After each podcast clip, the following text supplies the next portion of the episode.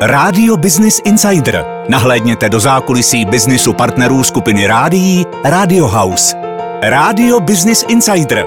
To jsou zajímavé osobnosti českého trhu, přední specialisté svých oborů, jejich názory i netradiční pohledy. My jsme tady s dalším podcastem Hit Radio City a teď máme u mikrofonu pana Richarda Opata. Vybrali jsme si příležitost, kdy eh, firma Auto Opat otvírá nový autosalon Kia v Nupakách a já bych se ho na pár věcí zeptal. Dobrý den. Já vás zdravím, dobrý den. A mám na vás hned první otázku. Vy už těch autosalonů teď máte docela dost. Eh, jaké byly vlastně začátky společnosti Auto Opat? Tak začínali jsme v 90. letech, kdy jsem půjčoval asi tři auta z dětského pokoje a dneska, dneska máme dvě pobočky, jsme v Legerově ulici v centru a pak jsme tady v Nupakách u Prahy, kde teda zaměstnáváme asi 100 lidí a už, už přece jenom jsme se trošku za ty roky rozrostli. Eh, jste říkal, že jste půjčoval auta z dětského pokoje. To byla reálná auta nebo dětská auta z toho pokoje? To byly reálná auta, ale byly to také pionýrské začátky. Jsme začínali se Škodovkama, 120 a pak jsme koupili prvního favorita, to byla velká sláva. V kterém roce to bylo ten favorit? No, z rok 90. Tak to byla novinka tehdy, to jste museli ještě čekat hodně, ne? Úplně, úplně nová kára, která byla poměrně revoluční a z té 120 to byl strašný krok dopředu. Proč jste se rozhodli pro rozšíření portfolia o značku Kia? Vy jste dělali zatím většinou Škodovky. Tak ta naše, ta naše VW rodinka přece jenom potřebovala trošku nějaké oživení a myslíme si, že Kia ušla za posledních deset let velký kus cesty a chceme, chceme nabídnout zákazníkům možnost nějakého výběru, takže chceme, chceme zkusit něco nového a myslíme si, že je to poměrně dynamická značka a naše společnost se snaží být dynamickou, tak, tak proto toto rozhodnutí. Eh, jaké služby a produkty Kia budete nabízet? Budeme dělat samozřejmě kompletní služby, takže prodej, servis, půjčovnu, finanční služby, pojišťování a, a prodej náhradních dílů samozřejmě. Děkuju. A chystáte se v souvislosti tady s otevřením této nové prodejny uh, udělat nějakou speciální akci? Určitě budeme, budeme dávat příslušenství v hodnotě 5000 korun k prodanému vozu a samozřejmě je nachystáno spousta balíčků a zajímavých finančních produktů co všechno vlastně u vás obecně, teď myslím nejenom uh, u značky Kia, ale obecně u autoopat uh, může zákazník či řidič najít?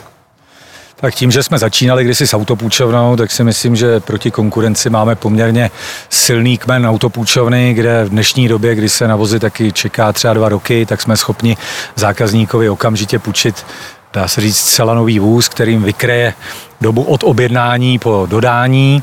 E, samozřejmě, samozřejmě je to trochu široká plejáda našich, našich finančních a servisních služeb. Máme vlastní asistenční službu, kde e, v případě nepojízdnosti vozu jsme do dvou hodin schopni prakticky v celém středočeském kraji přistavit náhradní vůz a kompletně se o zákazníka postarat.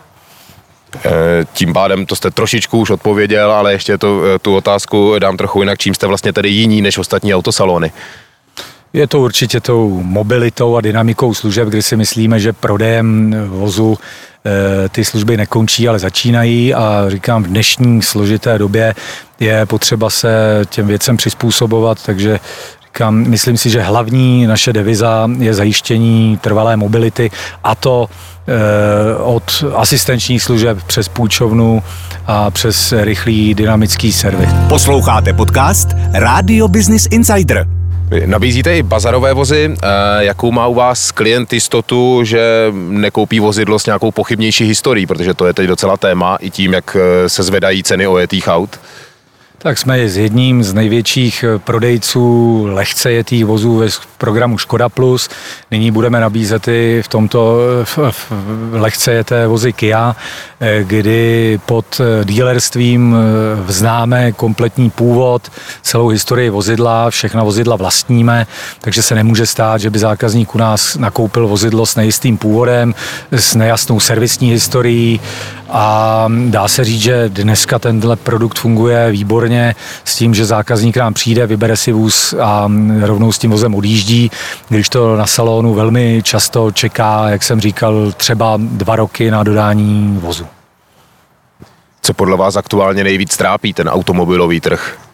Jsou to dodací lhuty a samozřejmě rostoucí cena vozů, kde už dneska se potkáváme s tím, že Škodovka u svých prémiových vozů silně přerostla přes milion korun, takže to je poměrně problém a další věc samozřejmě jsou relativně drahé peníze, takže třeba na Škoda Plusu, kde máme plný dům tedy vykoupených našich vozidel, tak eh, máme poměrně, jsme dost zatíženi úrokovými sazbami.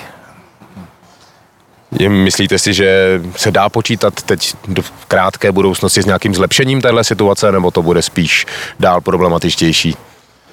No, tak je to luštění z křišťálové koule. Počítali jsme s tím, že automobilový trh po covidu bude přibržděn půl roku, rok. Eh, teď už jsme, tuším, od začátku covidu roky dva. Eh, teď jsme, teď jsme zase přešli plynule do problému na Ukrajině, takže jediná cesta je přizpůsobovat eh, společnost trendům a nebát se, nebát se výzev a proto i náš krok s Kijou, kde se snažíme situaci prostě jít nějak naproti a ty věci, ty věci řešit a ne tady plakat do, do ubrousku. To jste mi vlastně odpověděli na tu další otázku, kterou jsem měl připravenou, jak se s takovými s těmito problémy, problémy vypořádává, vypořádáváte vy. Tak jít tomu na štěstíčku naproti, no. prostě jdeme, jdeme těm věcem čelem a snažíme se, snažíme se hledat nové produkty, e, zákazníkovi nabídnout novou věc, e, vyřešit mobilitu, protože je nám jasný, že když někdo přijde nakoupit nový vůz, tak eh, očekává, že eh, věc vyřeší do měsíce, do dvou a ne do dvou let. Takže je to samozřejmě eh, náš, náš velký bazar, kde se dostáváme de facto ke skoro novému vozu, kde mám garantovány všechny garance, mobility, záruky, jasný původ a vím, že odjedu kvalitním vozem, s kterým nebudu mít problémy.